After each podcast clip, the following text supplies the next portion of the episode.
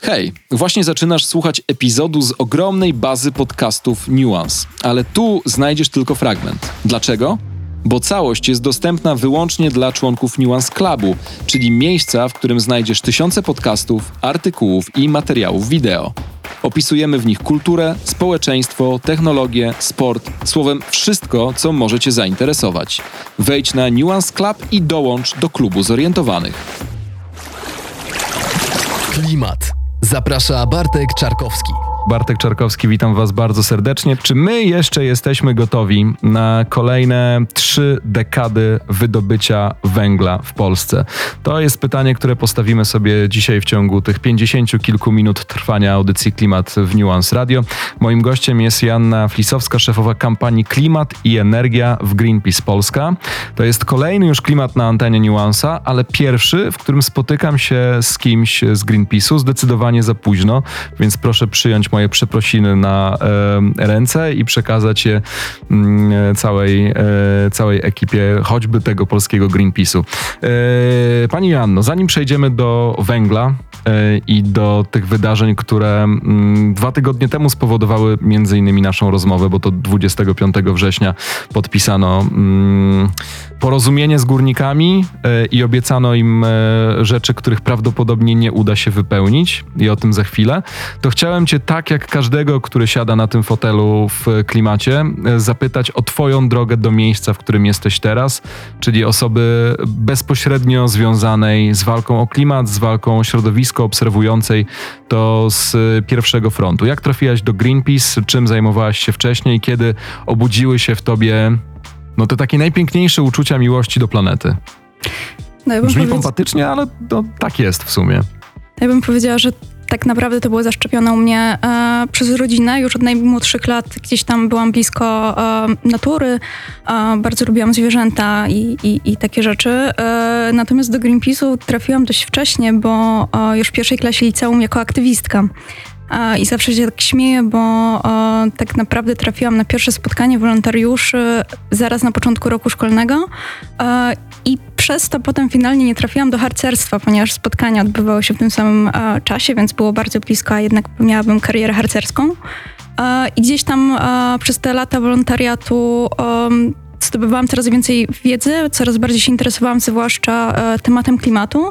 E, natomiast tak e, zawodowo zaczęłam się angażować pod koniec studiów, kiedy dostałam moją pierwszą pracę w organizacji pozarządowej, gdzie zaczęłam już się zajmować stricte tematem transformacji energetycznej, energetyki węglowej.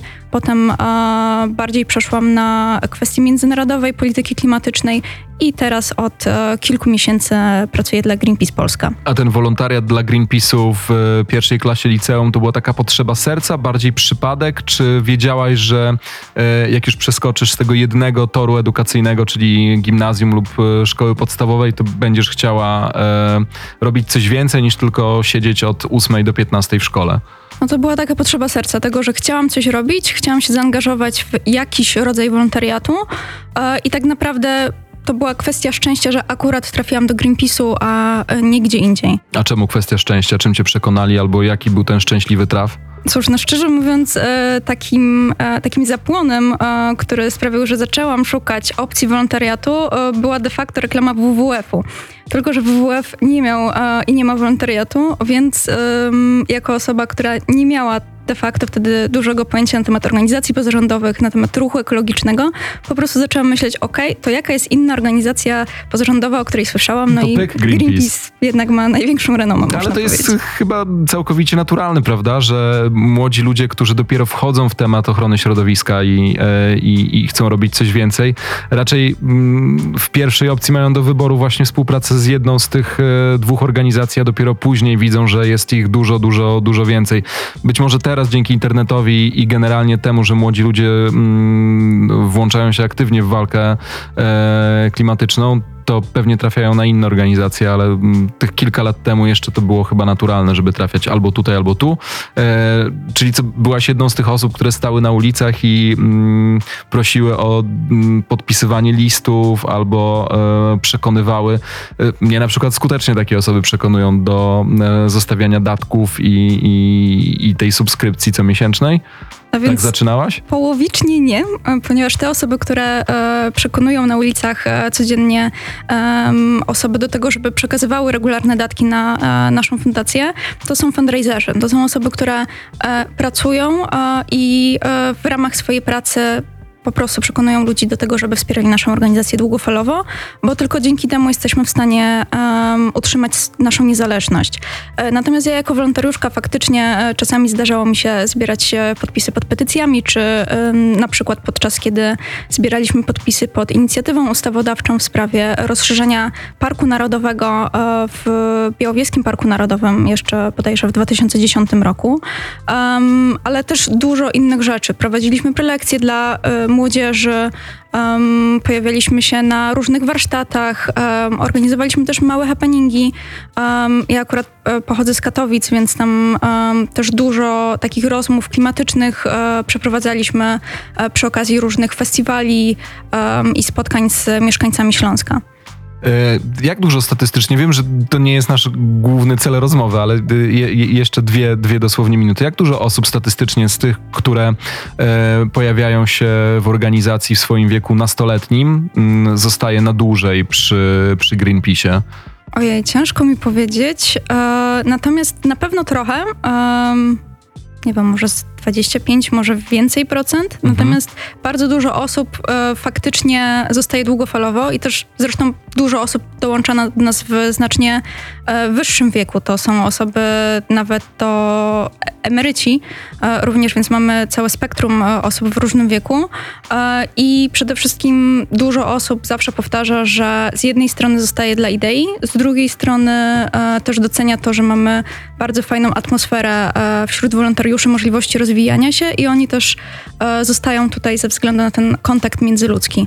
A, obserwu, a obserwujecie teraz jako Greenpeace e, wzmożoną e, aktywność młodych albo starszych ludzi, którzy do was dołączają chętniej, e, choćby ze względu na te napięcia, które wytwarzają się na linii m, mm, polska polityka albo polityka światowa, a ekologia i to, mhm. o co m, mm, wszyscy powinniśmy walczyć, a walczy tylko część, czyli no 2030 redukcja y, śladu klimatycznego i tak dalej. Powiedziałabym, że przede wszystkim dołączają do nas osoby coraz bardziej świadome. Ta e, świadomość społeczeństwa ogólnie w, e, wokół zmiany klimatu, tego jakie wyzwania przed nami stoją, jest coraz większa, więc e, też fajnie jest widać, że, e, że te osoby, które dołączają, coraz bardziej wiedzą, na co się piszą i coraz bardziej wiedzą też, w którym kierunku, których naszych kampanii chcą się rozwijać. A z drugiej strony też chcę zwrócić uwagę, jakby abstrahując od, od samej organizacji Greenpeace'u, że absolutnie fantastyczne są młodzieżowe strajki klimatyczne. I też widzimy, że coraz więcej e, młodych ludzi właśnie w tym wieku licealnym e, organizuje się sama wokół o, młodzieżowych strajków klimatycznych i to jest absolutnie fantastyczne. A jak siedzicie w Greenpeace i widzicie relacje, no chociażby właśnie z tego 25 września, bo dwa tygodnie temu e, strajk klimatyczny przechodził przez największe miasta i te mniejsze też w Polsce, to jesteście wzruszeni, ale tak autentycznie. E, ja akurat prowadziłem audycję dwa tygodnie temu, kiedy strajk mijał naszą, e, naszą siedzibę, bo tak była poprowadzona trasa strajku, ale jak potem oglądałem zdjęcia, te niesamowite transparenty wulkan kreatywności młodych ludzi, którzy potrafią świetnie nawiązywać do aktualnych wydarzeń kulturalnych, popkulturalnych, y, wplatając w to y, swoje hasła klimatyczne, no to zawsze mam tutaj taką, wiesz, gulę nad brzuchem i autentyczne wzruszenie, że oni to, że oni to robią i że może jeszcze mamy, mamy szansę. W Greenpeace ocieracie łzy, patrząc na nich?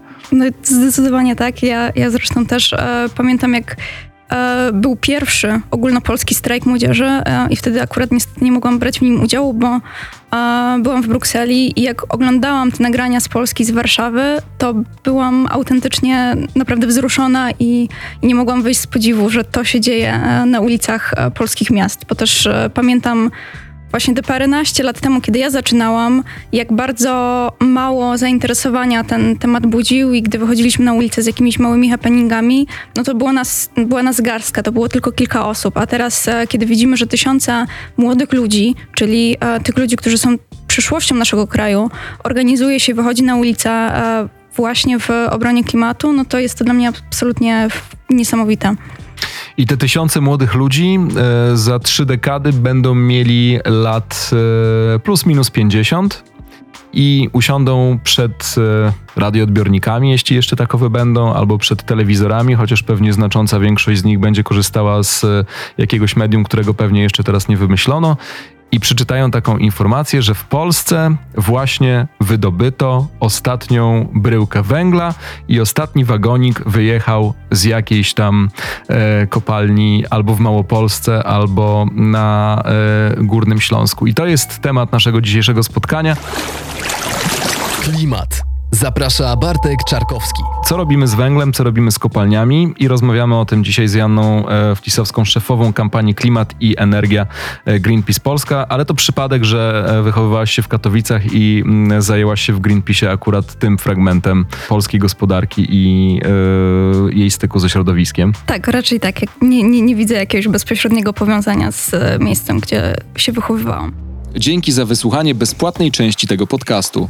Jeśli masz ochotę na więcej, dołącz do Nuance Clubu, klubu zorientowanych i spędzaj mniej czasu na słuchaniu takich komunikatów, a więcej na słuchaniu całych podcastów.